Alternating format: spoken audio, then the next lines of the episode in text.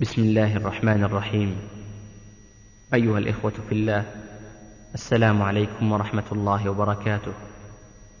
الحمد لله الذي خلق السماوات والأرض وجعل الظلمات والنور ثم الذين كفروا بربهم يعدلون. والصلاة والسلام على المبعوث رحمة للعالمين وحجة على الخلق أجمعين وعلى آله وصحبه الطيبين الطاهرين. وعلى التابعين لهم بإحسان إلى يوم الدين. أما بعد فهذه جلسات لفضيلة شيخنا محمد بن صالح العثيمين حفظه الله. كانت في مسجد رسول الله صلى الله عليه وآله وسلم في المدينة النبوية. وقد جاءت هذه الجلسات في سبعة أشرطة وكانت جلسات مسائية وصباحية. بدا الشيخ ليلة الخميس التاسع عشر من شهر ربيع الآخر من العام السادس عشر بعد الأربعمائة والألف من الهجرة. ومن مؤسسة الاستقامة الإسلامية للإنتاج والتوزيع في عنيزة أما تقبلوا تحياتنا. وهذا هو ففي هذه الليلة ليلة الخميس التاسع عشر من شهر ربيع الثاني نجتمع في إخوتنا في المسجد النبوي بعد صلاة المغرب وعلى كرسي أخينا الشيخ أبي بكر الجزائري. والمؤمن للمؤمن كالبنيان يشد بعضه بعضا.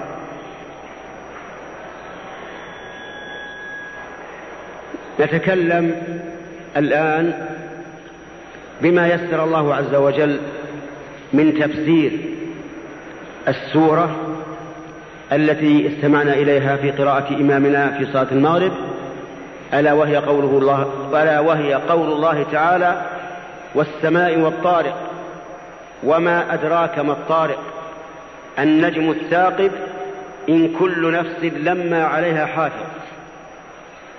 يقسم الله تعالى بالسماء. والسماء هنا يحتمل أن يراد به كل ما علاك كل ما علاك فهو سماء.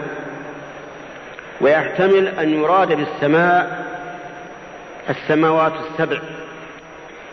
فيكون مفردا أريد به الجنس فيعم كل السماوات. وأيا كان فإن الله تعالى لم يقسم بشيء إلا وهو دليل على آية من آياته عز وجل. فهذه السماوات الواسعة الأرجاء العالية البناء القوية بناها الله عز وجل كما قال تعالى والسماء بنيناها بأيد وإنا لموسعون وقال تعالى والسماء وما بناها وإياك يا أخي أن تعتقد أن قوله والسماء بنيناها بأيد أن الله بنى السماء بيده. كلا.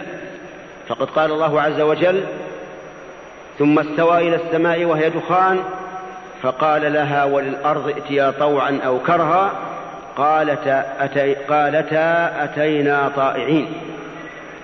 فالله تعالى خلق السماوات بالكلمة ولا وليس بيده جل وعلا. ولهذا يخطئ من يظن أن قوله بأيد جمع يد وإنما هي مصدر آد يئيد والمصدر المصدر إيه؟ أيد كباء يبيع والمصدر بيع ولهذا لم يضفها الله إلى نفسه كما أضافها في قول الله تعالى أولم يروا أنا خلقنا لهم مما عملت أيدينا أنعاما؟ وعلى هذا فلا يجوز أن نعتقد بأن الله خلق السماء بيده أو بأيديه أبدا. بل, ها بل أيد مصدر الأخ قم. مصدر إيش؟ تفضل استرح ها؟ أيد مصدر إيش؟ ما هو الفعل؟ أسترح. الظاهر أنكم ما درستم النحو.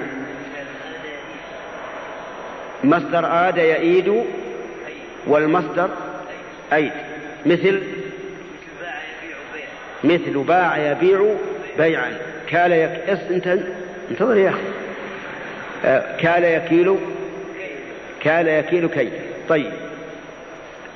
استرح اذا هذه السماوات العظيمة جديرة بأن يقسم الله بها حيث قال والسماء فالواو هنا حرف قسم.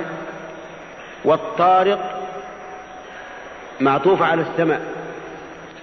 والمعطوف له حكم المعطوف عليه.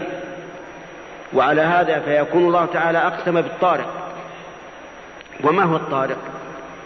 قال الله عز وجل تفخيما له وما أدراك ما الطارق. يعني أي شيء أعلمك عن هذا الطارق الذي كان جديرا أن يقسم الله به؟ فسره الله بقوله من يعرف؟ النجم الثاقب هذا الطارق.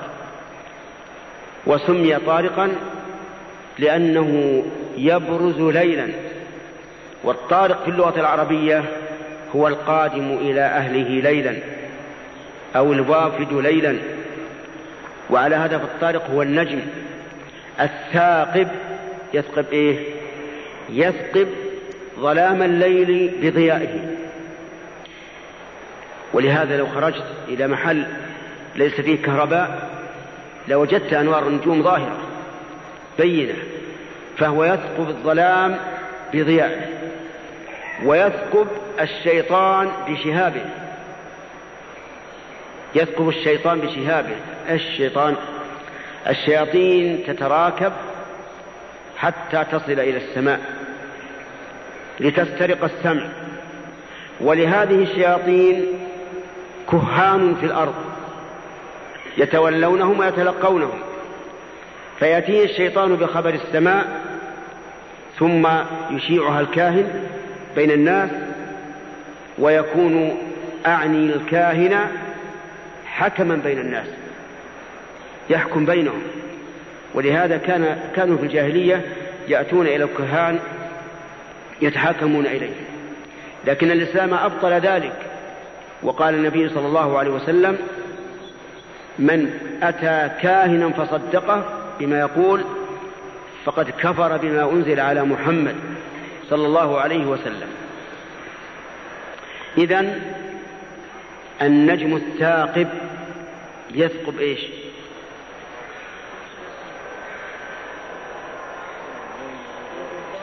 يثقب يثقب الظلام بضياء هذا واحد ويثقب بشهابه. بارك الله فيك. هذا التفسير تفسير من؟ النجم الثاقب. تفسير من؟ تفسير الله عز وجل. ولا أحد يفسر القرآن بمثل ما يفسره من تكلم بالقرآن وهو الله. ولهذا يقول العلماء يرجع في تفسير القرآن اولا إلى تفسير الله عز وجل. ثانيا إلى تفسير النبي صلى الله عليه وسلم.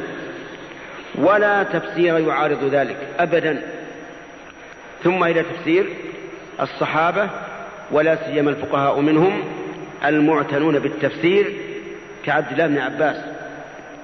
ثم إلى أكابر علماء التابعين الذين تلقوا تفسير القرآن عن الصحابة رضي الله عنهم مثل مجاهد بن جبر. فهذه كم مرتبة؟ مرتبة يا ولد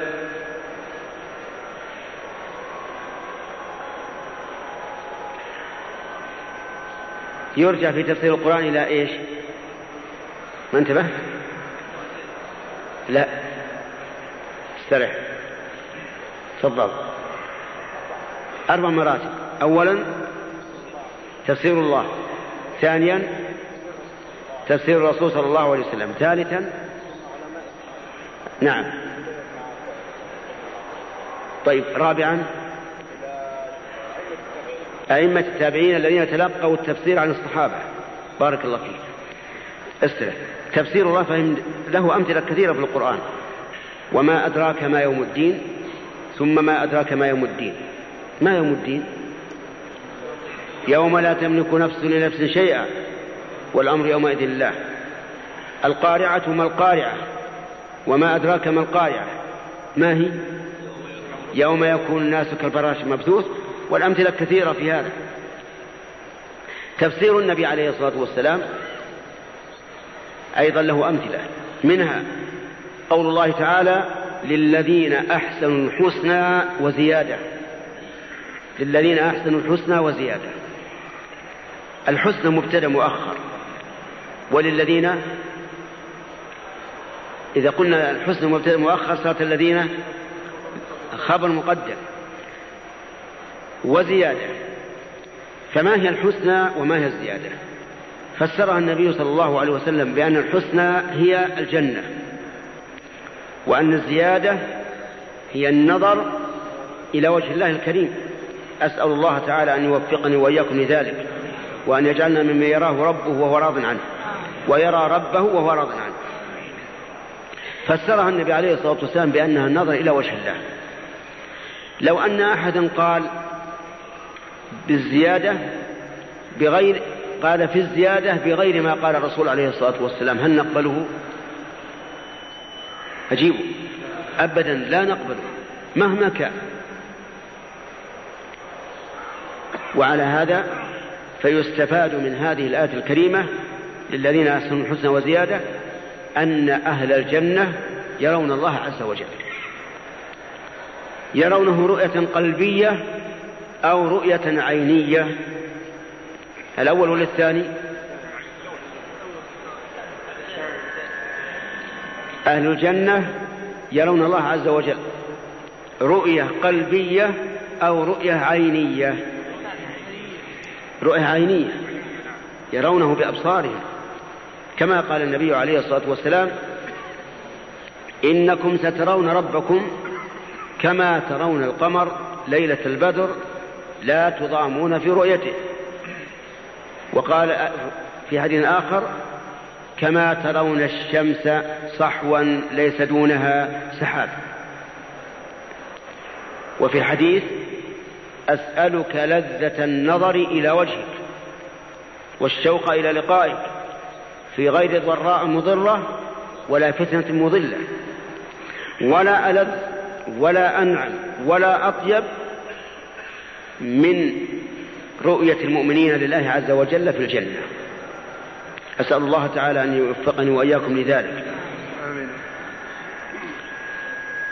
وحينئذ نؤمن إيمانا عقديا جازما بأن المؤمنين يرون الله عز وجل يوم القيامة في الجنة بأبصارهم كما يرون القمر ليلة البدر لا يضامون في رؤيته. فإن قال قائل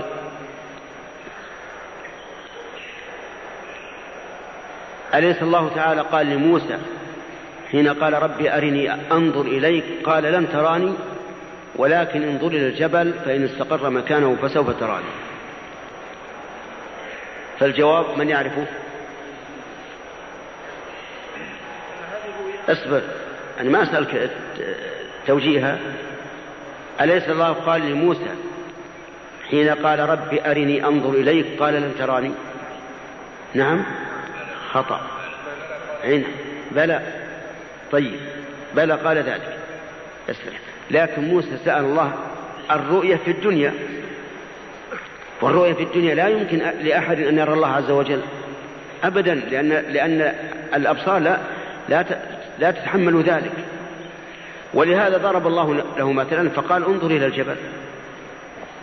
الجبل كما نعلم جميعا أصم أحجار غليظة متينة.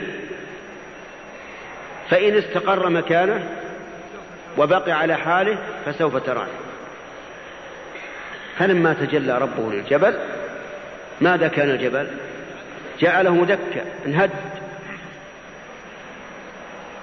وحينئذ خر موسى صعقا أغمي عليه. لأنه رأى أمرا هائلا لم تتحمله آه، نفسه. فلما أفاق قال سبحانك أي تنزيها أن يحيط بك أحد وأنت أعظم من من كل شيء. تبت إليك وأنا أول المؤمنين. تبت إليك من أي شيء؟ وهل أذنب موسى حتى يقول تبت إليك؟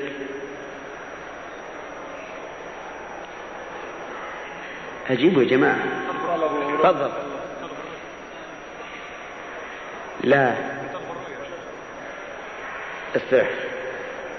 هو سأل ما ليس له به علم. سأل ما ليس له به علم. ولهذا لما قال نوح رب إن ابني من أهلي وإن وعدك الحق وأنت أحكم الحاكمين ماذا قال الله له؟ قال يا نوح إنه ليس من أهلك إنه عمل غير صالح. فلا تسألني ما ليس لك به علم إني أعذك أن تكون من الجاهلين. ولهذا تاب موسى من هذا السؤال. الله المستعان. ومنا الآن طلاب علم. إذا مروا بصفة من صفات الله جعلوا يمزقونها. ليس ينكرونها لكن يتنطعون ويتعمقون فيها. حتى أصبحوا ممثلين للرب عز وجل بالخلق. يبحث معك يقول إن لله أصابع. حق لله أصابع. إيش الأصابع؟ يقول لك كم الأصابع؟ له أظفار له فواصل وما أشبه ذلك. هذا حرام. مسائل الصفات أؤمن بها على ما جاءت ولا تسأل. إن سألت هلكت وانظروا إلى الأئمة رحمهم الله. قال رجل الإمام مالك يا أبا عبد, يا أبا عبد الله الرحمن على العرش استوى. كيف استوى؟ سأل يسأل شلون استواءه كيف هو؟ هو ما سأل عن المعنى. لو قال ما معنى استوى أجيب. لكن قال كيف استوى؟ وهل أنت مطالب بأن تسأل عن الكيفية؟ أبدا. أطرق مالك رحمه الله وهو في مسجد الرسول عليه الصلاة والسلام. أطرق برأسه حتى قام يتصبب عرقا. ليش تصبب عرق؟ من ثقل السؤال على نفسه. صبب عرق. ثم رفع رأسه وقال يا هذا الاستواء غير مجهول. والكيف؟ غير معقول. والإيمان به واجب والسؤال عنه بدعة. كلمات من نور ما شاء الله يوفق الله من يشاء ويتفضل عليه بالكلمات التي تكون نبراسا للمسلمين.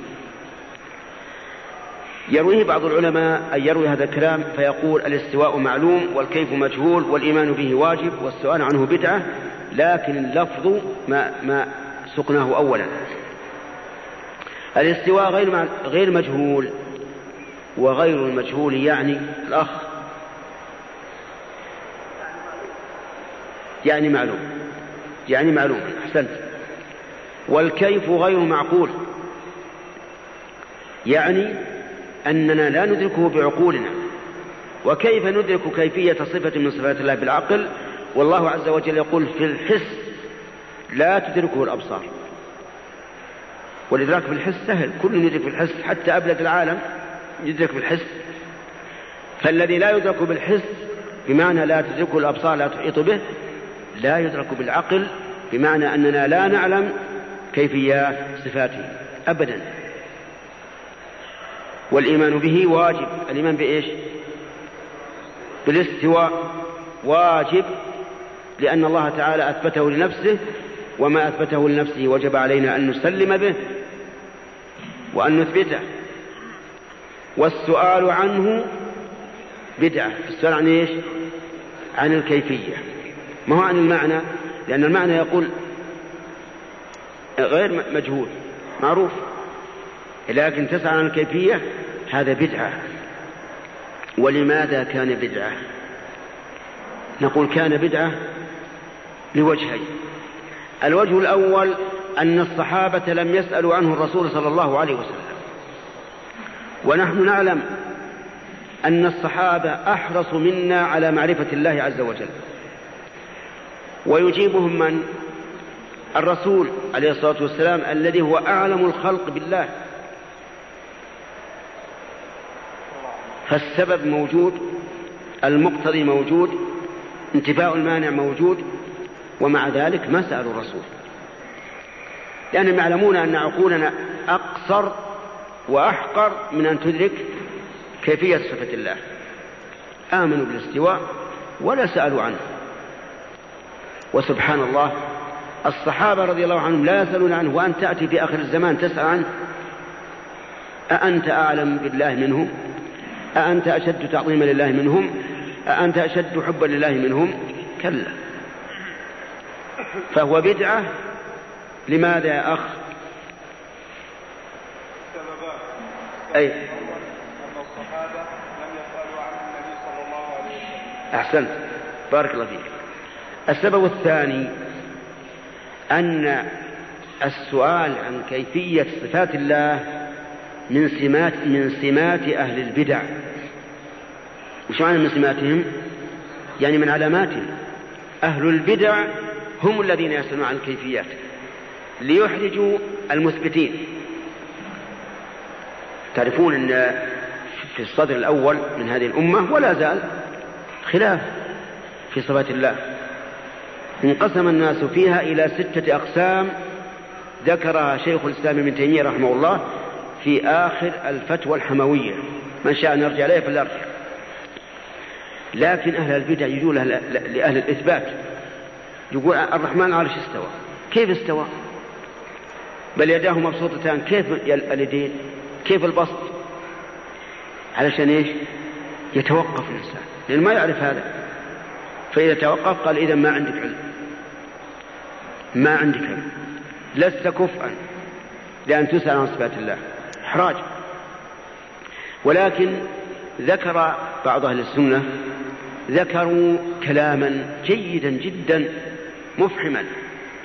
قال إذا قال لك الجهمي إن الله ينزل إلى السماء الدنيا فكيف ينزل؟ فقل له إن الله أخبرنا أنه ينزل ولم يخبرنا كيف ينزل. سبحان الله. كلام مضبوط واضح. أخبرنا أنه ينزل ولم يخبرنا كيف ينزل. أخبرنا أن له يدين ولم يخبرنا إيش؟ كيف اليدين؟ أخبرنا أنه خلق آدم بيديه. كما قال تعالى لإبليس ما منعك أن تسجد لما خلقت بيدي؟ ولكن لو جاء إنسان يسأل كيف خلق بيديه شنو قال؟ يجب علينا أن أن نقول الخلق معلوم. نعم إن الله أخبرنا أنه خلقه بيده ولم يخبرنا كيف خلقه ولا كيف يده وهذه أمور غيبية يجب علينا أن نقتصر فيها على ما جاء به النص. ولهذا أسلم طريقة فيما يتعلق بأسماء الله وصفاته هي طريقة السلف الصالح الذين هم أهل السنة والجماعة. أما غيرها من الطرق فإنها كلها فاسدة لما يلزم فيها من اللوازم الباطلة لو لم يكن فيها إلا مخالفة ظاهر الكتاب والسنة ومخالفة الصحابة رضي الله عنهم. لأن الصحابة يا جماعة مجمعون على على الإثبات. على إثبات النصوص كما هي. فإذا قال قائل ما دليلك على أنهم مجمعون على النصوص كما هي؟ قلنا لأن القرآن نزل بلغة من؟ بلغة من؟ وأعرب العرب الصحابة. نزل القرآن بلغتهم ولم يأتي حرف واحد من منهم.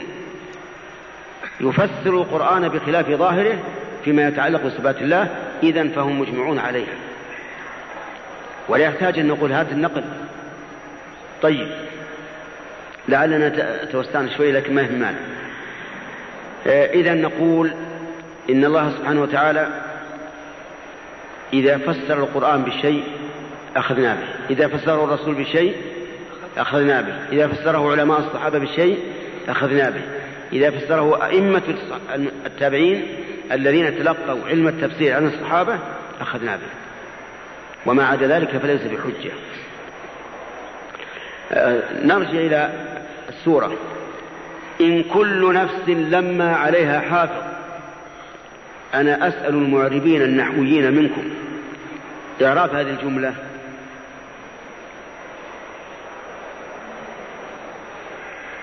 اللهم وفق نعم. إن كل نفس لما عليها حافظ إن بمعنى ما. ولما بمعنى إلا. فيكون تقيل الآية ما كل نفس إلا عليها حافظ لأن إن إذا جاءت بعدها إلا فهي للنفي. كقوله تعالى إن هذا إلا سحر مبين إن أنتم إلا مبتلون وما أشبه ذلك من الآيات الكثيرة. فإذا أتى بعد إن إلا فهي إيش؟ نافية. طيب ولما بمعنى إلا يعني ما كل نفس إلا عليها حافظ. حافظ إيش؟ يحفظها منين؟ يحفظها ويحفظ عنها.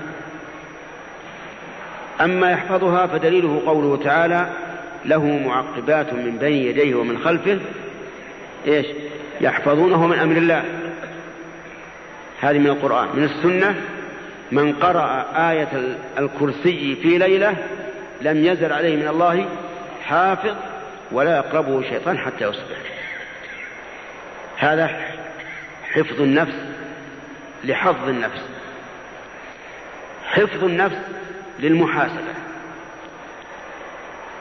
يعني أن الله جعل على كل نفس واحد منا ملائكة يحفظون أعماله كما قال تعالى كلا بل تكذبون بالدين وإن عليكم لحافظين. هؤلاء الحافظون غير قوله تعالى يحفظون من الله من أمر الله. فكل إنسان عليه حافظ. يحفظه من أمر الله ويحفظ عليه أعماله. ومتى يكون الحساب عليها؟ متى يكون الحساب عليها؟ قف مسكون طيب. إذا ليس عليك حرج. من يعرف متى يكون الحساب على الأعمال؟ يوم القيامة. ولهذا سماه الله يوم الحساب استرح هذا الذي يكتب على الإنسان يحاسب عليه يوم القيامة. وكيف يحاسب؟ قال الله تعالى ونخرج له يوم القيامة كتابا يلقاه منشورا مفتوحا اقرأ كتابك. اقرأ كتابك. كفى بنفسك اليوم عليك حسيبا. قال بعض السلف والله لقد أنصفك من جعلك حسيبا على نفسك. والله هذا الإنصاف. ما في واحد يدعي عليك ويقول هذا البينة وإلا قولك مردود. هذا كتاب موجود. اقرأ. كفى بنفسك اليوم عليك حسيبا. وما الذي يكتب في هذا؟ استمع إلى قول الله تعالى ولقد خلقنا الإنسان ونعلم ما توسوس به نفسه ونحن أقرب إليه من حبل الوريد إذ يتلقى المتلقيان عن اليمين وعن الشمال قعيد واحد على اليمين وواحد على الشمال. ما يلفظ من قول إلا لديه رقيب عتيد. رقيب يعني مراقب عتيد يعني حاضر لا يغيب. كلمة من قول يقول العلماء إنها نص في العموم. لأن النكرة في سياق النفي للعموم لكن قد يقترن بها ما يجعلها نصا في العموم لا تحتمل شيء آخر. فما هو الذي جعلها نصا في العموم؟ تفضل. ها؟ لا ما في ما موصول هنا. ما يلفظ ما نافية. إيش من هذا؟ ها؟ لماذا كانت جعلتها نصا في العموم؟ لا من من من اسماء الموصوله لو علم لو كان عندنا واحد من علماء النحو لفعل بك ما يفعل. استح ما في نحو عندكم الظاهر. ما يلفظ يقول من قول من حرف جر زائد. وإذا دخل حرف الجر الزائد على كلمة كان مؤكدا لمدلولها. يعني لمدلول السياق. ما يلفظ من قول نقول من حرف جر زائد إعرابا وليس زائدا معنى لأن معناه التوكيد توكيد النفي. ما يلفظ من قول إلا لديه رقيب عتيد. أي قول؟ كل الأقوال. ما دام قلنا قول للنفي المؤكد بمن؟ معنى كل القول من خير أو شر أو لغو. لأن كلام الإنسان ثلاثة أقسام خير وشر ولغو. من كان يؤمن بالله واليوم الآخر فليقل خيرا. الذي هو واحد من أقسام الثلاثة.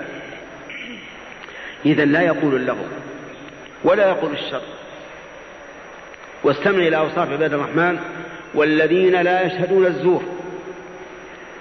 وإذا مروا باللغو مروا كراما سالمين منه بعيدين عنه وما أكثر اللغو في كلامنا. بل أتم. بل ما أكثر الزور. والزور هنا ليس شهادة الزور. كل قول محرم فهو زور. فما أكثره ما يلفظ من قول إلا لديه رقيب عتيد. دخل رجل على الإمام أحمد بن حنبل وهو مريض. وكان رحمه الله يئن من المرض. تعرفون الأنين؟ يئن من المرض. فقال يا أبا عبد الله إن فلانا وذكر اسمه من التابعين يقول إن الملك يكتب حتى أنين المريض. حتى أنين المريض. فأمسك عن الأنين رحمه الله. أمسك عن الأنين. يتصبر ويتحمل المرض ولا يئن. خوفا من إيش؟ من أن يكتب. خوفا من أن يكتب. إذا لما عليها حافظ نرجع للآية. إن كل نفس أي ما كل نفس إلا عليها حافظ. فلينظر الإنسان مما خلق. اللام لام. إنا لله وإنا إليه راجعون. لام إيش؟ لام الأمر. ولهذا سكنت بعد الفاء. ولام الأمر تسكن بعد الفاء وبعد الواو. وبعد ثم. قال الله تعالى ثم ليقضوا تفثهم اقرأ ما بعدها. وليوفوا نذورهم. وليطوفوا بالبيت العتيق ولهذا يخطئ بعض القراء فيقول هذا بلاغ للناس ولينذروا به. هذا خطأ. وهذا لحن يحيل المعنى. وأكثر الناس ما يحس بهذا الشيء. هذا بلاغ للناس ولينذروا به. صواب ولا خطأ؟ ليش؟ لأنك إذا سكنتها بعد الواو صارت فعل أمر صارت لام أمر. فيختلف المعنى. ولهذا الصواب أن يقال هذا بلاغ للناس ولينذروا به. تكسرها. وليعلموا ولا وليعلموا؟ إذا قضى إذا قرأ إنسان وليعلم خطأ ولا لا؟ يحيل المعنى ولا ما يحيل المعنى؟ يحيل المعنى لأنه يجعل اللام لام أمر وهي لام تعليل. وليعلموا أن ما هو إله واحد وليذكر. ردوا علي غلط. وليذكر. أنا علمتكم الآن قريبا يا جماعة. وليذكر لازم وليذكر. لأنك لو لو سكنتها اختلف المعنى. فعليه ناخذ قاعدة. لام التعليل مكسورة دائما. واضح القاعدة؟ لام التعليل مكسورة دائما. لام الأمر مكسورة إلا إذا دخل عليها واو العطف أو فاء العطف أو ثم. وعرفتم الأمثلة. طيب فلينظر هذه لام الأمر ولا لام التعليل؟ الأخ. لام الأمر. الدليل. أحسنت. سكرت بعد الفاء. أحسنت. هذا دليل لفظي. الدليل المعنوي أن الله أمرنا أمر الإنسان أن ينظر مما خلق. خلق من ماء دافق ماء الرجل يخرج من بين الصلب والترائب الترائب الصدر والصلب ظهر. خلق من هذا الماء المهين. وأصله الأول خلق من إيش؟ من تراب من طين من حمأ مسنون. هذا أصل الإنسان. وما تولد منه من ماء دافق يخرج من بين الصلب والترائب. إنه على رجعه لقادر. إن الله عز وجل إنه الضمير يعود على الله وإن لم يتقدم آه، ما يعود إليه الضمير لكن السياق يدل عليه. إنه على رجعه أي رجع من؟ الإنسان. لقادر متى؟ يوم القيامة. كما قال تعالى وهو على جمعهم إذا يشاء قدير. إنه على رجعه لقادر. وهذا واضح. استدل الله عز وجل بالأشد على الأسهل. هل الأشد الابتداء أو, أو الإعادة؟ أين أشد؟ الابتداء أشد. الإعادة أهون ويقول الأخ الدليل على أن الإعادة أهون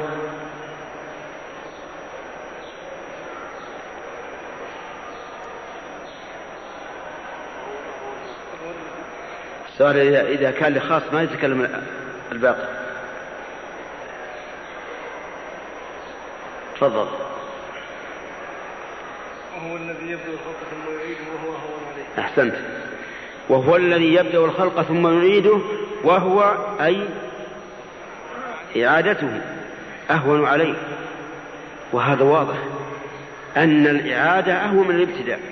فيقول إنه على رجله لقادر فالذي خلقه من ماء دافق قادر على أن يرجعه يوم القيامة. يوم تبلى السرائر. انتبه يا أخي لهذه الجملة. نسأل الله أن يقوينا وإياكم على إخلاصه يوم تبلى السرائر يوم القيامة تختبر السرائر هي الظواهر؟ والسرائر القلب. كما قال تعالى أفلا يعلم إذا بعثر ما في القبور؟ وحصل ما في الصدور. يوم القيامة ما يحاسب الإنسان على أعماله الظاهرة وإلا لنجح المنافقون. لأن المنافقون يأتون بإيش؟ بالأعمال الصالحة ظاهرها الصحة لكن على قلوب خاربة إذا كان يوم القيامة خانتهم قلوبهم. تبلى السرائر فلا يوجد عند أحد من جاء إلا من كانت سريرته طيبة. نسأل الله أن يطيب سريرتنا. طيب يوم تبلى السرائر تختبر. الحساب في الدنيا على الظواهر وفي الآخرة على السرائر. وانظر إلى المنافقين في عهد الرسول عليه الصلاة والسلام.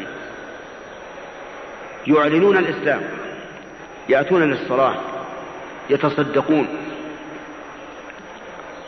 ويقول الرسول عليه الصلاة والسلام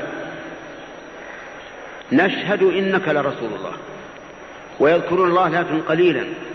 إذا قاموا للصلاة قاموا كسالى يراؤون الناس ولا يذكرون الله إلا قليلا. ومع ذلك والرسول يعلم بعضهم. ولو نشاء لأريناكهم فلعرفتهم بسماهم ولتعرفنهم في لحن القول. يعلم ذلك. وحتى إنه أسر إلى حذيفة بن اليمان أسماء رجال. عينهم ومع ذلك لم يقتلهم. لماذا؟ تفضل. نعم. لئلا يقال إن محمدا يقتل أصحابه فإذا قال قائل هؤلاء ليسوا أصحابا له لأنهم أعداء له. كما قال تعالى هم العدو. إيش؟ فاحذرهم. إذا نقول هم أصحابه ظاهرا. والحكم في الدنيا على إيش؟ على الظاهر. لكن في الآخرة على البواطن. ولهذا أصلح سريرتك يا أخي. أصلح سريرتك. انظر إلى قلبك. هل في إيمان؟ هل هو متعلق بالله؟ لا يرجو إلا الله ولا يخاف إلا الله ولا يستسلم إلا لله. فاحمد الله وازدد من هذا خيرا. هو فيه بلاء فاحذر. ولعل بعضكم سمع قصة كان رجل مع من أصحاب الرسول عليه الصلاة والسلام في غزوة. رواه البخاري في صحيحه. وكان لا يترك للعدو شاذة ولا فاذة. شجاع مقدام مصيب رامي. فقال النبي صلى الله عليه وسلم إنه من أهل النار. إنه من أهل النار. فعظم ذلك على الصحابة. كيف يكون هذا المجاهد البطل المغوار؟ كيف يكون من أهل النار؟ عظم ذلك عليهم فقال أحد الصحابة والله لألزمنه حتى أرى ما غايته. فلزمه صار معه يصاحب ويمشي معه. فأصيب هذا الرجل الشجاع بسهم من العدو. فجزع.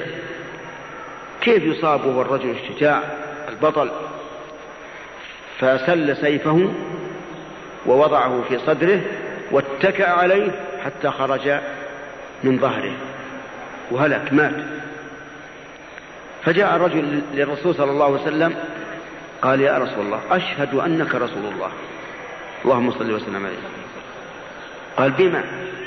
قال الرجل الذي ذكرت أنه من أهل النار حصل له كيت وكيت. فقال عليه الصلاة والسلام إن الرجل ليعمل بعمل أهل الجنة فيما يبدو للناس وهو من أهل النار. نعوذ بالله من ذلك. اللهم أعذنا من هذا اللهم أعذنا من هذا اللهم أعذنا من هذا. إن الرجل ليعمل بعمل أهل الجنة فيما يبدو للناس وهو من أهل النار. لأن قلبه فيه شيء فيه سريرة خبيثة أودت إلى سوء الخاتمة نسأل الله العافية. ولهذا أحث نفسي وإياكم يا إخواني على إصلاح الباطن على تفقد القلب. كلنا يتوضأ ويطهر ظاهره كلنا يغتسل من الجنابه ويطهر جسمه كله. لكن القلب هل منا من يغسله كل يوم؟ قل من يغسله. حتى أجل العبادات الصلاة كثير من الناس لا يفعلها إلا على وجه إيش؟ العادة. يصبح يتوضأ ويروح يصلي الفجر. لكن لا لا يحس بأن هذه الصلاة دخلت قلبه حتى كان في صلاته متصلا بربه. كان بعض السلف وهو عروة بن الزبير أصيب بأحد أعضائه بالجذام الجذام. مرض إذا أصاب عضوا انتشر في البدن ومات المصاب. فقيل له إنه لا يمكن أن تنجو منه حتى نقطع رجلك. في بنجدك اليوم يا أخ الأخ. أنت. في بنج. وين؟ أقول في رجل. عروة بن الزبير أصيب بالجذام في أحد في رجله. وقال الأطباء لا يمكن تنجو منه إلا إذا قطعنا الرجل. ما في بنج أبدا. طيب. فكيف نعمل؟ قال دعوني أصلي. دعوني أصلي. فلما شرع في الصلاة قطعوا رجله. ليش؟ لأنه إذا دخل في الصلاة اتصل قلبه بمن؟ بالله عز وجل. والاتصال بالله ينسي كل شيء. انظر إلى الرسول عليه الصلاة والسلام لما نهى أصحابه عن الوصال والوصال يعرفه الأخ الوصال هو نعم. أحسنت. الوصال أن لا يفطر الإنسان في بين اليومين. يواصل. نهاهم الرسول عن الوصال عليه الصلاة والسلام. قالوا إنك تواصل. قال لست كهيئتكم. إني أبيت عند ربي يطعمني ويسقيني. قال العلماء معنى ذلك أنه لانشغاله بذكر الله عز وجل لا يهتم بالطعام والشراب. وهذا حق. ولهذا يقول الشاعر في معشوقته لها أحاديث من ذكراك تشغلها عن الشراب وتلهيها عن الزاد. إذا قامت تتحدث بعشيقها نسيت الأكل والشرب وكل شيء. المشتغل قلبه بالله عز وجل ينسى. ولكن قولوا لي أيما أكمل حالا؟ عروة بن الزبير رضي الله عنه الذي انشغل عن قطع عضو من أعضائه بصلاته أو عمر بن الخطاب الذي كان يجهز الجيش وهو يصلي. أيهما أكمل حالا؟ لا شك عمر بن الخطاب. عمر بن الخطاب أكمل حالا.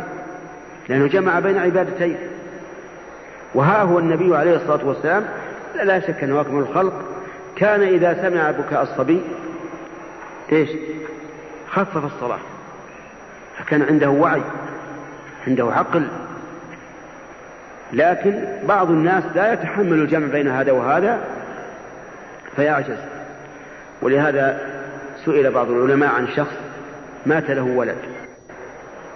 فجعل الناس يعزونه وهو يضحك يتبسم. يتبسم. راضيا بقضاء الله وقدره.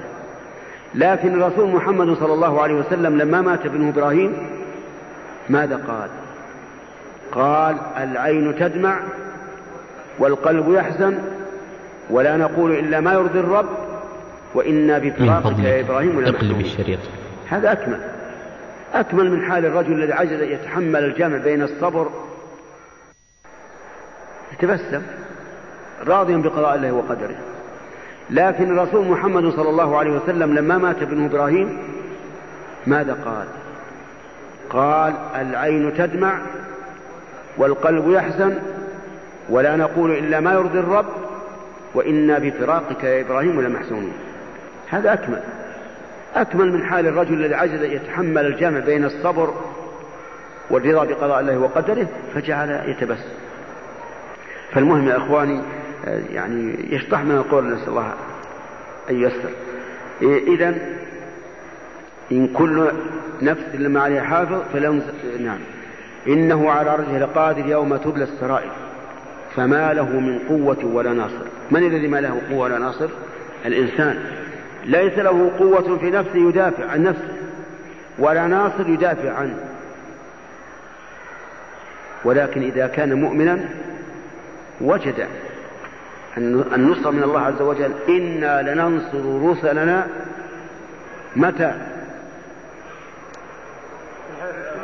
في الحياة الدنيا ويوم يقوم الأشهاد. يوم لا ينفع الظالمين معذرتهم ولهم اللعنة ولهم سوء الدار. يوم تبلى السرائر فما له من قوة والسماء ذات الرجع والأرض ذات الصدع إنه لقول فصل. السماء ما علا هنا لا شك. ما هي السماء المحفوظة؟ السماء ما علا لأن الرجع هو المطر. وما هو الذي يأتي منه مطر؟ السحاب. والسحاب ليس هو السماء المحفوظ بل هو ما علا. والسماء ذات الرجع والأرض ذات الصدع. الصدع تشقق. إذا نزل المطر على الأرض نبت الحب في جوف الأرض. ثم ينتفخ وحينئذ تتصدع الأرض. فأقسم الله تعالى بالمطر الذي به حياة الأرض وبالحياة وبالأرض التي قبلت هذا المطر وأنبتت. على إيش؟ إنه أي القرآن لقول فصل. لأن بالمطر حياة الأرض لأن بالمطر حياة الأرض وبالقرآن حياة القلوب. كما قال تعالى لينذر من كان إنه لذكر وقرآن مبين لينذر من كان حيا ويحق القول على الكافرين. فالقرآن تشابه القلوب وهو قول فصل. فصل إيش؟ يعني يفصل بين الأمور يفصل بين واحد وهم إيش؟ جمع. وقول كيدا في الموضعين للتعظيم. يعني يكيدون كيدا عظيما. وأكيد كيدا أعظم. كما قال تعالى ويمكرون ويمكر الله. والله خير الماكرين. ومكروا مكرا ومكرنا مكرا وهم لا يشعرون. اذكروا لي أعظم كيد كاده المشركون للرسول عليه الصلاة والسلام. أيها المؤرخون ما عندنا نحويون ولا عندنا مؤرخون ولا نعم تفضل.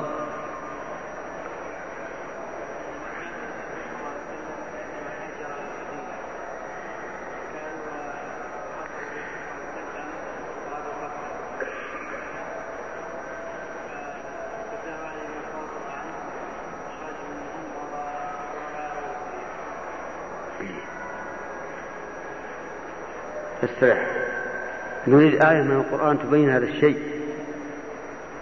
وإذ يمكر بك الذين كفروا. ليثبتوك. أو يقتلوك أو يخرجوك. ليثبتوك يعني بالحبس. يحبسونك. أو يقتلوك واضح. أو يخرجوك منين؟ من مكة. فماذا حصل؟ قال الله تعالى ويمكرون ويمكر الله والله خير الماكرين فخرج النبي صلى الله عليه وسلم من بينهم ولم ولم يفعلوا شيئا. لأن الله تعالى خير الماكرين. شوف الحيلة العظيمة. يقولون إنهم اجتمعوا في دار الندوة. كبار قريش. قالوا من من من يعني يفكنا من هذا الرجل؟ سفه آباءنا وأحلامنا وأضل نساءنا وصبياننا. ماذا؟ ذكروا آراء من جملتها هذا الرأي العظيم. ال ال الاتفاق على القتل.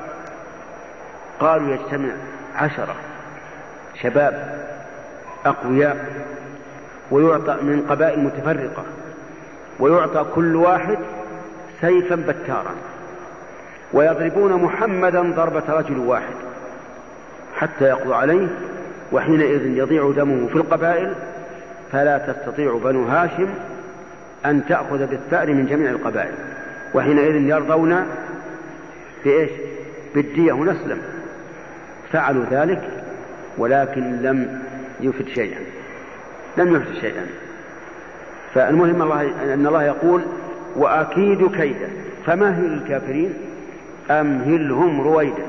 مهل يعني انتظر انتظر بهم.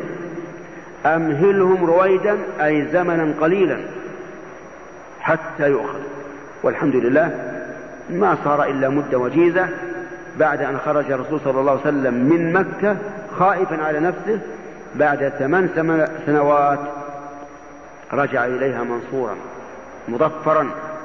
حكم قريش بيده.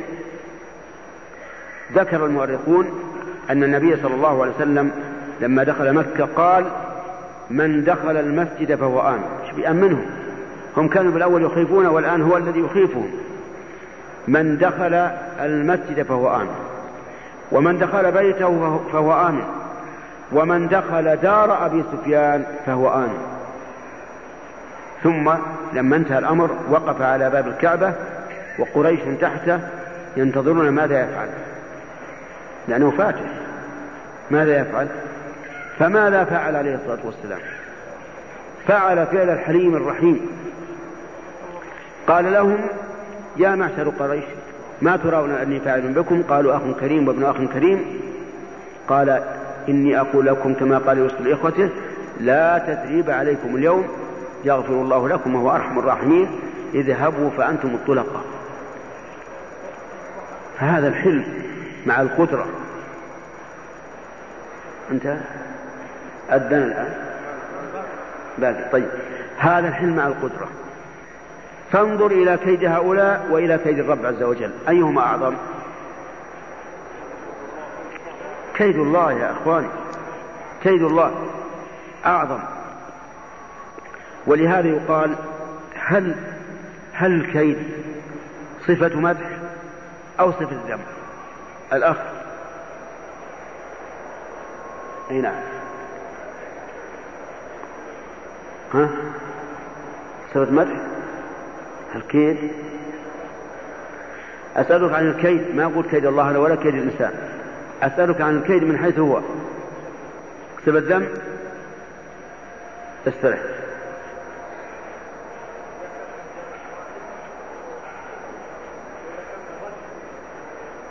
يعني في التفصيل إذا كان في مقابلة كيد العدو فهو صفة مدح وإذا كان ابتداء فهو صفة ذم تمام. الكيد والمكر والاستهزاء والسخرية كلها على هذا الباب. إن كانت في محلها فهي صفة مدح فيسخرون منهم إيش؟ سخر الله منهم. قالوا إنما نحن مستهزئون الله يستهزئ بهم. إنهم يكيدون كيدا وأكيد كيدا. ومكروا مكرا ومك ومكرنا مكرا. وهم وهم يجادلون في الله وهو شديد المحال. وهلم جرا فمهل الكافرين أمهلهم رويدا. هذه السورة كما سمعتم سورة عظيمة. وإني وإني وإني أحث الشباب خاصة وغيرهم أيضا على فهم كتاب الله. لا على أن يقرأوه تعبدا بتلاوة فقط. إن الله يقول في كتابه كتاب أنزلناه إليكم مبارك. إيش؟ ليدبروا آياته وليتذكر. ليدبروا آياته وليتذكر أولو الألباب. لا بد من التدبر والتدبر وتفهم المعنى. وليذكر أولو الألباب يتعظوا به. ولهذا كان الذين يقرؤون الناس القرآن من الصحابة كانوا لا يتجاوزون عشر, عشر آيات من كتاب الله حتى يتعلموها وما فيها من العلم والعمل. لكننا مع الأسف الآن تأتي إلى فصل كامل في الجامعة. وتعال فسر لها الآية. لا لا تكاد ترى واحدا منهم يفسرها وهذا نقص. إذا كنا نحرص على شرح الأحاديث الواردة عن النبي عليه الصلاة والسلام فلماذا لا نحرص على تفسير كلام الله؟ هذا أولى وأعظم. والإنسان سبحان الله اسأل مجربا. كلما تأمل كتاب الله اتضح له من المعاني ما لم يكن يعرفها من قبل. فمن اتبع هداي فلا يضل ولا يشقى. جرب تجد. جرب تجد.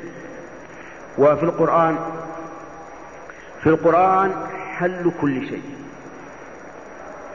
كل شيء يشكل عليك في القرآن.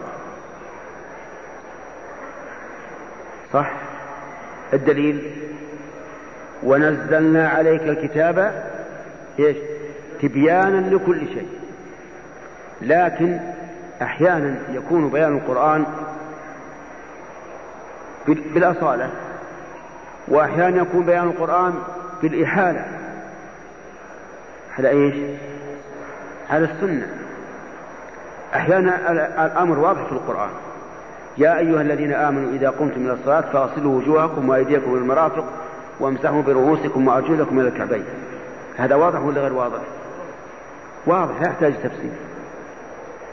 لكن تأتي للذين للذين أحسنوا الحسنى وزيادة الزيادة هذه ما, ما نعرف معناها حتى فسرها النبي عليه الصلاة والسلام. لكن ما من إنسان يتدبر القرآن إلا وجد فيه من العلوم العظيمة ما لا يجدها في غيره. إن جئت في النحو وجدت شواهد إن جئت في البلاغة وجدت شواهد إن جئت في البيان وجدت شواهد إن جئت في العقائد وجدت شواهد في الفقه وجدت شواهد. في كل شيء. قالوا إن بعض العلماء علماء المسلمين اجتمع في مطعم من مطاعم أوروبا ومعه نصراني. في نفس المطعم لكن ليسوا على مائدة واحدة. فيما يظهر فجاء النصراني متحديا. قال إن كتابكم نزل تبيانا لكل شيء. فكيف صنعت هذه الزلطة؟ كيف صنع هذا الخبز؟ كيف صنع هذا اللحم؟ هذا ما همه الا بطنه يعني يريد القرآن يكون إيش؟ كتاب مطبخ. كيف صنع هذا؟ الرجل هذا العالم ذكي أعطاه الله تعالى ذكاء وإن شاء الله أعطاه ذكاء أيضا. قال العالم يا صاحب المطعم تعال كيف صنعت هذا؟ كيف صنعت هذا؟ قال فعلت كذا وكذا وكذا وذكر الوصفة تماما. قال هكذا جاء في القرآن. هكذا جاء في القرآن. تعجب النصراني. كيف جاء في القرآن؟ هات من أول الفاتحة إلى آخر الناس. ما نجد هذا. فقال موجود في القرآن. إن الله قال فاسألوا أهل الذكر إن كنتم لا تعلمون. هذه هذه الآية وإن لم تكن في هذه المسألة بخصوصها لكن فيها إشارة أن كل شيء لا تعلمه اسأل عنه أهل العلم به. اسأل أهل العلم به. لو أقول لك مثلا إعراب إياك نعبد وإياك نستعين. إعرابه أقول موجود في القرآن ولا لا؟ موجود بناء على ذلك. بعد بعد الصلاة إن شاء الله أسئلة. إن شاء الله تعالى بعد الصلاة تكون أسئلة. ها؟ ها بعد الآن فيه تلو... فيه ميكروفون؟ في ميكروفون. طيب أجل نكمل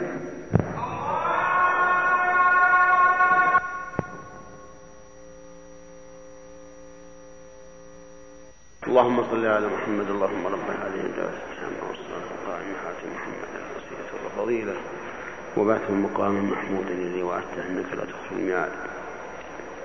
اللهم نسألك موجبات رحمتك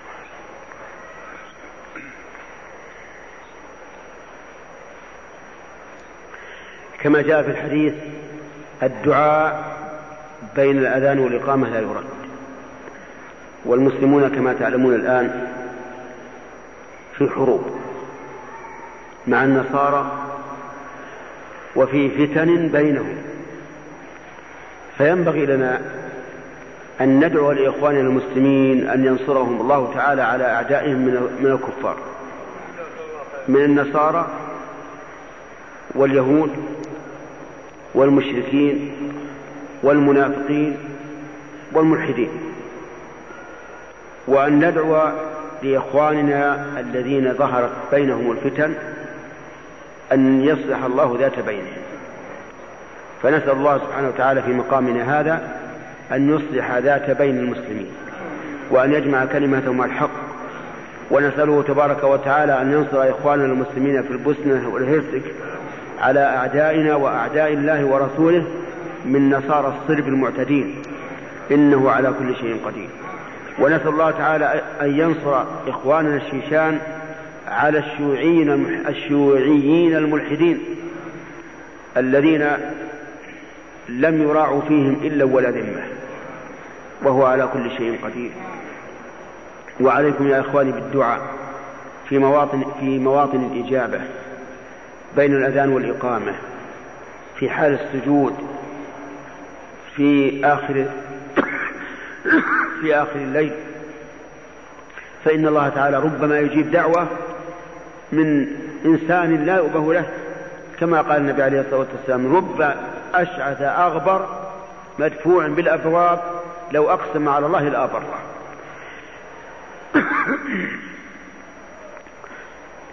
أقول بارك الله فيكم أحث نفسي وإياكم على تدبر كلام الله عز وجل وتفهم معناه ففيه الخير كل الخير. سعادة الدنيا والآخرة علوم متنوعة هداية. كما قال الله عز وجل فإما يأتينكم مني هدى فمن اتبع هداي فلا يضل ولا يشقى ومن أعرض عن ذكري فإن له معيشة ضنكا ونحشره يوم القيامة أعمى. قال ربي لم حشرتني أعمى وقد كنت بصيرا؟ هو لا, لا ليس يعترض على الله لكن يقول ما هو السبب؟ قال كذلك أتتك آياتنا فنسيتها وكذلك اليوم تنسى الآن إلى الأسئلة. ويبدأ بالأهم فالأهم. بسم الله الحمد لله والصلاة والسلام على خير خلق الله. ومن شروط من شروط قارئ الأسئلة عندي ثلاثة ثلاث شروط. أنت ملتزم بها إن شاء الله؟ نعم. الأول السلامة من اللحن. والثاني جودة القراءة. والثالث أن لا يعرض من الأسئلة ما لا يناسب المقام. بمعنى أن يختار الأسئلة المناسبة للمقام. فهل التزمت بهذا؟ إن شاء الله. توكل الله. سائل يسأل عن معنى قول الله سبحانه وتعالى يوم يكشف عن ساق. نعم.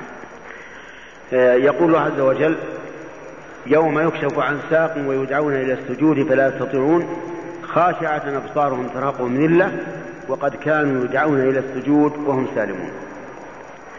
هذه الآية فيها قولان للسلف.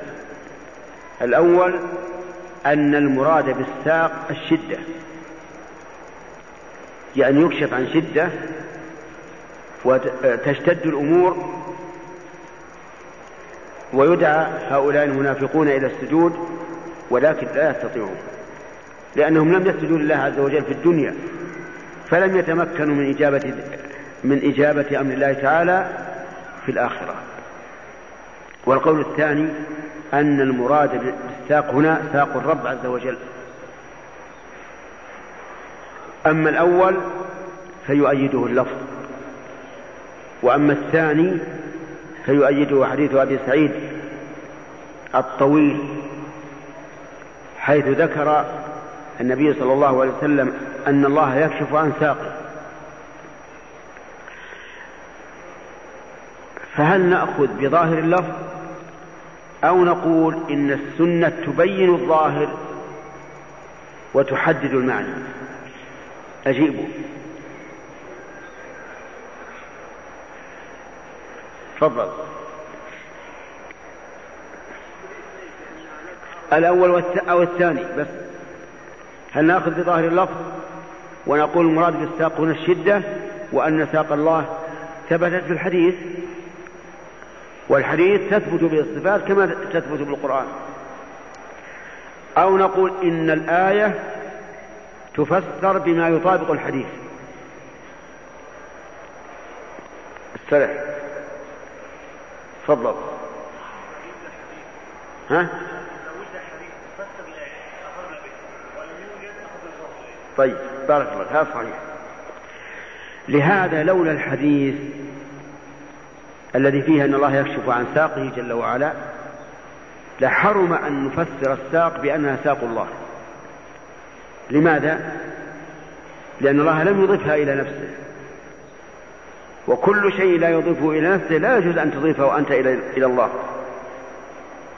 لكن ما دامت السنة جاءت بالسياق المطابق للآية وأن الساق هو ساق الرب عز وجل فإننا نرجح أن المراد بالساق هنا إيش؟ ساق الله تبارك وتعالى ولكن يجب أن نعلم أنه لا يماثل سوق المخلوقين. لأن عندنا آية من كتاب الله. محكمة. واضحة. هي طيب أحسنت. ليس كمثله شيء وهو السميع البصير. هذا خبر. فلا تضربوا لله الأمثال. هذا نهي. نعم. جزاكم الله خيرا. سائل يقول فضيلة الشيخ السلام عليكم. إيش؟ أعد. سائل يقول نعم. فضيلة الشيخ. خطأ. يا فضيلة. ها؟ هذه هذه بارك الله فيك تنصب. المنادى إذا أضيف صار منصوبا يا نساء النبي لستن كأحد. يا نساء. ولم يقل يا نساء. محذوفة فضيلة الشيخ يقول ما حكم الاستغفار للمشرك أو الكافر؟ إيش؟ ما حكم الاستغفار للمشرك أو الكافر؟ لا يجوز للإنسان أن يستغفر لمشرك أو كافر. لقول الله تبارك وتعالى ما كان للنبي والذين آمنوا أن يستغفروا للمشركين ولو كانوا أولي قربى من بعد ما تبين لهم أنهم أصحاب الجحيم. ولكن يرد علينا يرد على هذا مسألة. أليس إبراهيم قد استغفر لأبيه؟ أجاب الله عنه. فقال وما كان استغفار إبراهيم لأبيه إلا عن موعدة وعدها إياه فلما تبين له أنه عدو لله تبرأ منه. إن إبراهيم لأواه حليم. وسبحان القادر على كل شيء. سبحان القادر على كل شيء. إبراهيم أبوه إيش؟ مشرك. يعبد ما لا يسمع ولا يبصر ولا يغني عنه شيئا. ونوح ابنه كافر. غرق مع الهالكين. مما يدل على كمال قدرة الله عز وجل. وأنه يخرج الكافر من المؤمن والمؤمن من الكافر. نعم.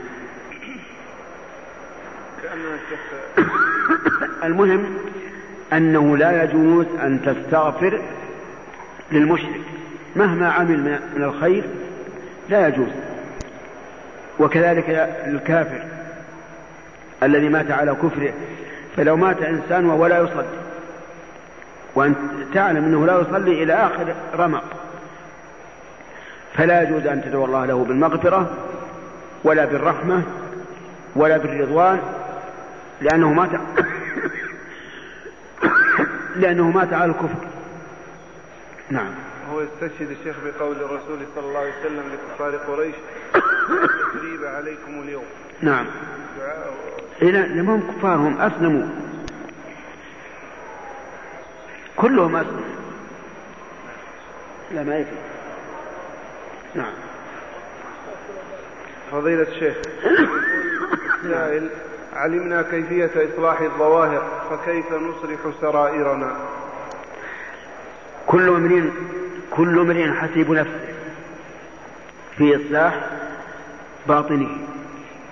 لكن من أسباب الإصلاح إصلاح الباطن أن يكون الإنسان دائما مع الله يكثر ذكره واستغفاره وعند المعاصي يخاف منه وعند وعند الطاعات يطمع في رحمته. المهم أن يعلق قلبه بالله عز وجل لا بالدنيا وزخارفها ولذاتها وشهواتها. قال الله تبارك وتعالى زين للناس حب الشهوات من النساء والبنين والقناطير المقنطرة من الذهب والفضة والخيل المسومة والأنعام والحرث. ذلك متاع الحياة الدنيا والله عنده حسن المآب. قل أنبئكم بخير من ذلكم للذين اتقوا عند ربهم جنات تجري من تحتها النار خالدين فيها وأزواج مطهرة ورضوان من الله والله بصير من ذلك نعم. جزاكم الله خيرا. سائل يقول هل يجوز للمسلم عند الدعاء أن يقول اللهم بحق رسول الله أو بمحبته؟ أو بإيش؟ أو بمحبته. نعم. التوسل إلى الله عز وجل بالدعاء أو حال الدعاء إنما يكون فيما صح أن يكون وسيلة. لأن الوسيلة هي كل ما يتوصل به الإنسان إلى حصول مقصوده.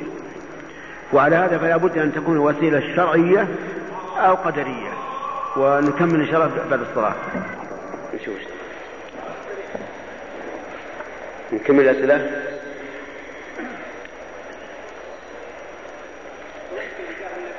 أي نعم.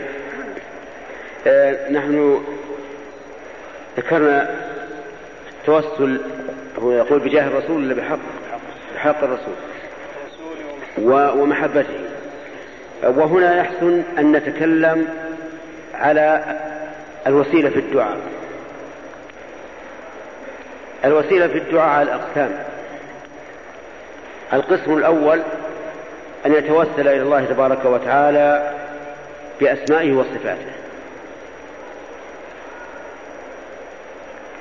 أن يتوسل بأسمائه وصفاته.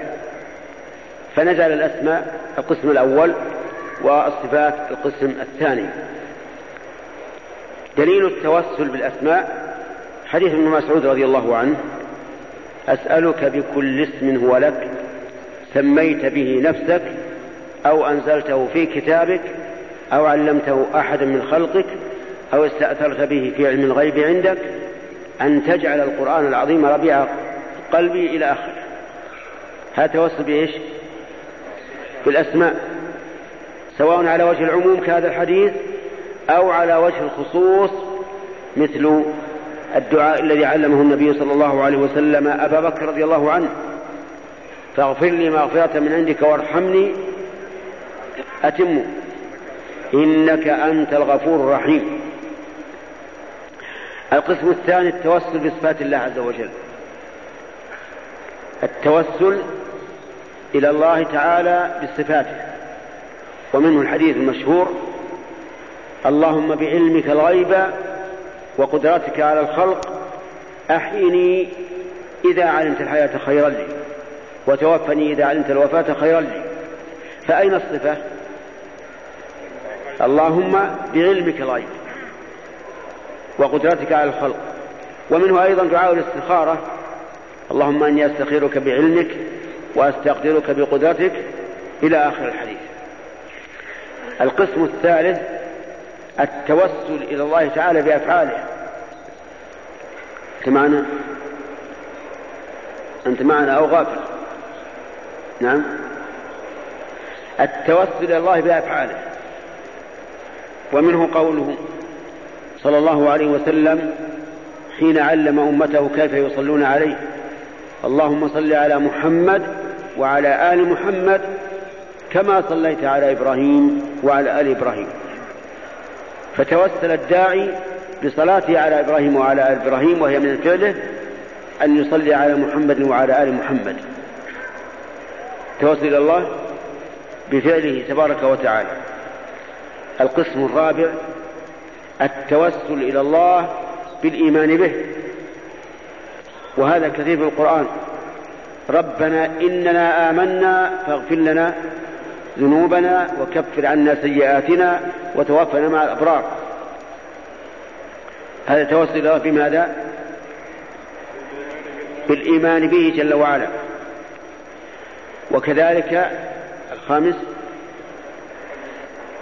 أو السادس الخامس التوسل إلى الله باتباع الرسول صلى الله عليه وسلم.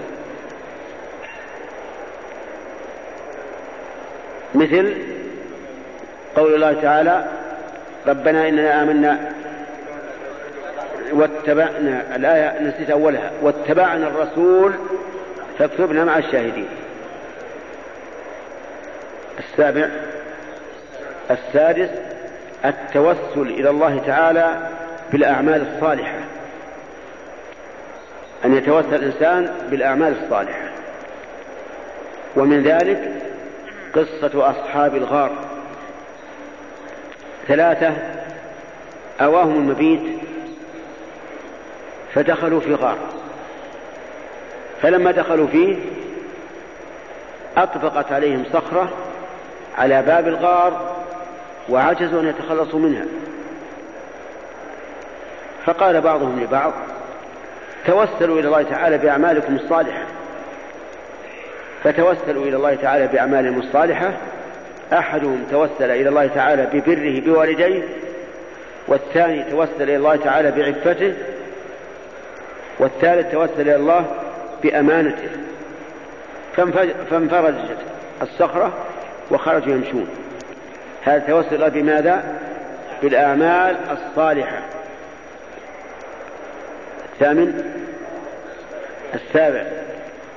السابع التوسل إلى الله تبارك وتعالى بدعاء الصالحين. يعني بأن تطلب من شخص صالح أن يتوسل إليك. أن أن يدعو لك. أن يدعو لك. مثل توسل الصحابة بدعاء النبي صلى الله عليه وعلى آله وسلم.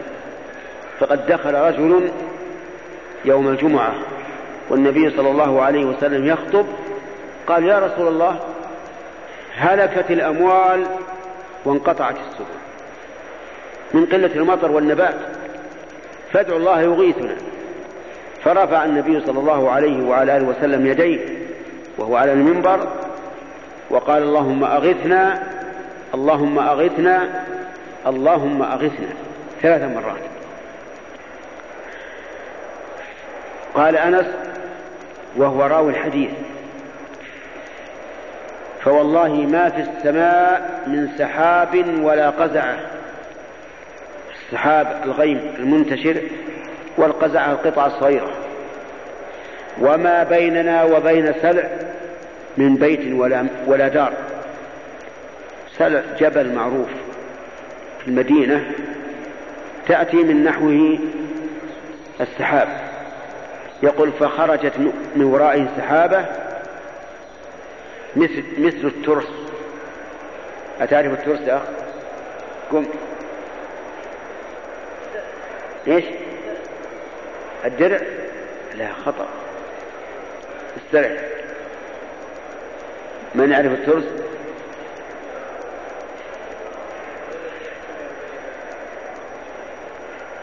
يتوقى به المقاتل السلاح.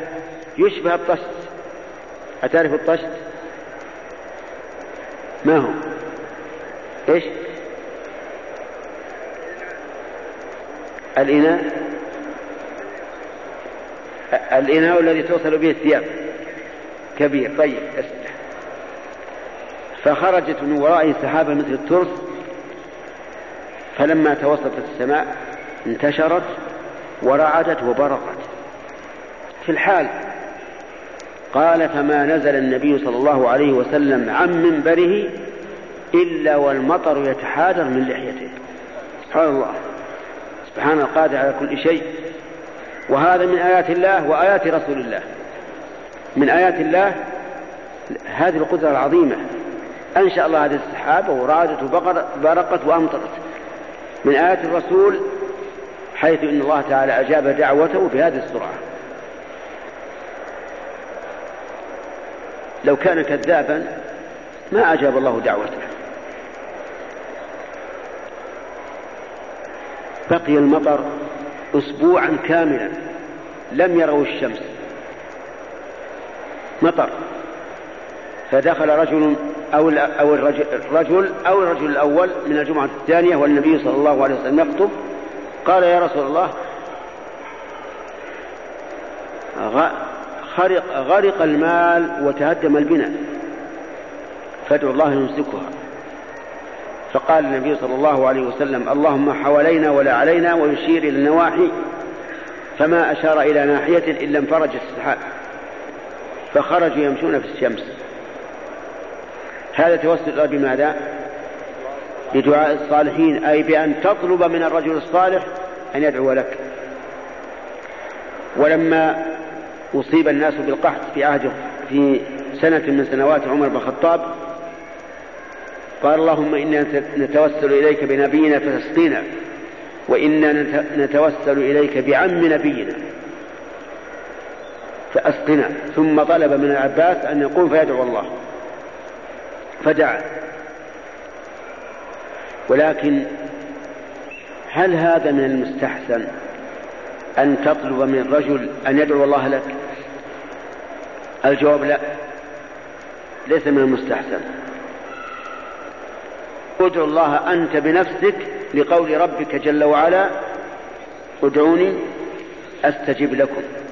لكن إذا كان لمصلحة الناس كما لو طلبت من رجل تتوسم فيه الخير أن يدعو الله تعالى بإنزال المطر أو أن آه، يشفي المريض الفلاني؟ يعني ليس لنفسك. هذا لا بأس به لأنه إحسان للغير أما لنفسك فلا تفعل. لأن هذا السؤال فيه محذوران. المحذور الأول أنه نوع من الذل. إنسان يسأل. كأنما يقول أعطني ريالا. والثاني أن فيه غرورا للمسؤول. كيف غرور المسؤول؟ لأن المسؤول يعجب بنفسه وينتفخ يقول أنا ولي من أولياء الله. الناس يسألونني أدعو الله لهم فيحصل في ذلك ضرر. لكن قال بعض العلماء لو سألت من أخيك أن يدعو الله لك من أجل الإحسان إليه ما هو لأجل أن يحسن لك أن تحسن أنت إليه. كيف أحسن إليه؟ تنوي أن يتاب على دعائه لك لأنه إحسان.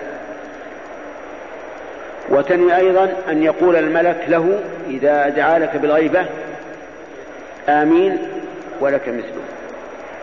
أما كل إنسان كل ما رأى رجلا يتوسم في الخير والصلاح يا فلان ادعو الله لي أو أسألك الدعاء. فهذا ليس بحسن. نعم. طيب كم كم ذكرنا الآن؟ سبعة أنواع من التوسل. يبقى عندنا الجواب على سؤال, سؤال الأخ. إذا توسل الإنسان بمحبته للرسول عليه الصلاة والسلام قال اللهم إني أسألك بحبي لنبيك أن ترزقني كذا وكذا. فهذا جائز.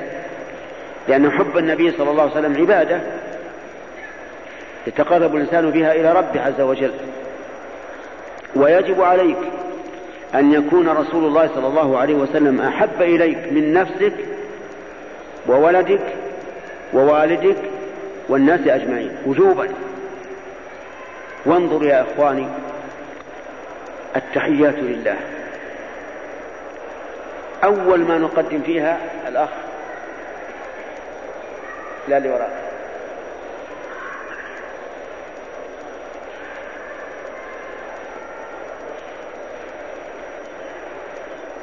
اسمع أول ما نقدم في التحيات حق الله عز وجل. التحيات لله والصلوات والطيبات. السلام عليك أيها النبي ورحمة الله وبركاته. ثم بعد ذلك حق من الرسول صلى الله عليه وسلم. السلام عليك أيها النبي ورحمة الله وبركاته. ثم بعد ذلك حق نفسك. السلام علينا. ثم بعد ذلك حق إخوانك المسلمين. وعلى عباد الله الصالحين. مما يدل على أن أعظم الحقوق وأولاها بالتقديم هو حق من؟ حق رب العالمين. ثم حق رسوله الأمين عليه الصلاة والسلام. ثم حق النفس. ثم حق الصالحين. في صلاة الجنازة التكبيرة الأولى قل قم. الفاتحة ثنى على الله. الثانية صلاة على الرسول. الثالثة دعاء عام للمسلمين. الرابعة دعاء خاص للميت. اسرع. لماذا قدمنا حقنا في السلام علينا وعلى عباد الله الصالحين ثم العباد الصالحين؟ لأن حق النفس مقدم على غيرها. لكن في الدعاء للميت ستدعو لغيرك والعموم أولى من من الخصوص. تأملوا هذه المعاني العظيمة والأسرار البالغة في الشريعة. يتبين لك أنها من لدن حكيم خبير. إذا التوسل إلى الله بمحبة الرسول جائز ولا غير جائز؟ جائز لأنك تثاب على ذلك وبالمناسبة نسمع كثيرا من الناس يقولون إبراهيم خليل الله ومحمد حبيب الله هل هذا صواب؟ ولا خطأ؟ تفضل قم لماذا؟ تمام هذا خطأ لأن إبراهيم خليل الله ومحمد خليل الله أيضا. قال النبي صلى الله عليه وسلم إن الله اتخذني خليلا كما اتخذ إبراهيم خليلا. وأيما أعلى المحبة أو الخلة؟ أيهما أعلى الخلة أعلى. ولهذا لا نعلم أحدا من المخلوقين اتخذه الله خليلا إلا إبراهيم ومحمدا عليهما الصلاة والسلام. لكن نعلم أن الله يحب عالما يحب المؤمنين يحب المتقين يحب الذين يقاتلون في سبيله صفا. لكن هل يمكن تقول إن الله خليل الذين يقاتلون في سبيله صفا؟ لا ما تقول. هل يمكن أن تقول إن الله خليل المؤمنين؟ لا. إذا قل إن إبراهيم خليل الله ومحمد خليل الله أيضا. واضح يا إخواني؟ لكن بعض تجي أدعية في الحقيقة ما لم تركز على علم. يكون الذي صاغها عنده شيء من الجهل. فيقول إبراهيم خليل الله ومحمد حبيب الله. هذا التوسل بمحبة الله بمحبة الرسول إذن جائز. التوسل بحق الرسول. هذا غير جائز. بحق الرسول. غير جائز. لأن حق الرسول من الذي ينتفع به؟ الرسول صلى الله عليه وسلم. إلا إذا قصد القائل بحق الرسول علي وهو الإيمان به واتباعه صار هذا من باب التوسل بالأعمال الصالحة. وكذلك التوسل بجاه الرسول الصواب أنه لا يجوز. و و ونقول يا أخي المسلم بدل ما تتوسل بأشياء مشتبهة وأشياء مختلف فيها توسل إلى الله بشيء واضح. لا إشكال فيه. عندك أنواع التوسل الجائز كم عددنا؟ سبعة أنواع. نعم. جزاكم الله خيرا. اكتب. اكتب السؤال. اكتب السؤال في نفس الموضوع أو غيره. نعم. سائل يقول ما هو الأفضل رفع اليدين أو عدم رفعهما في صلاة الجنازة؟ الصواب أن رفع اليدين في تكبيرات الجنازة سنة في كل التكبيرات. كما جاء ذلك صريحا عن, عن ابن عمر ومثل هذا من الأمور التوقيفية التي لا, لا تكون إلا عن نص. بل جاء عن النبي عليه الصلاة والسلام أنه كان يرفع يديه في كل تكبيرة. ما هو يرون ما ليس عندهم دليل. إلا حديث ابن مسعود أظن. ولكن إذا وجد مثبت منافي فالمقدم المثبت. نعم. يقول السائل آه الدليل على الصلاة على الرسول صلى الله عليه وسلم بعد الأذان كما فعلت من قبل. نعم. اللهم رب هذه الدعوة التامة. اللهم صل على صل على محمد. قبل. لأن الرسول ذكر هذا قال ثم صلوا علي. فإنما كلام نسيته نسيته فإنها تحل له الشفاعة. يعني من قال مثل ما يقول ثم صلى علي حلت له شفاعتي. فتصلي عليه وتقول اللهم رب هذه الدعوة التامة والصلاة القائمة آت محمد الوسيلة والفضيلة وبعثه مقاما محمودا الذي وعدته إنك لا تخلف الميعاد. الزيادة هذه صحيحة.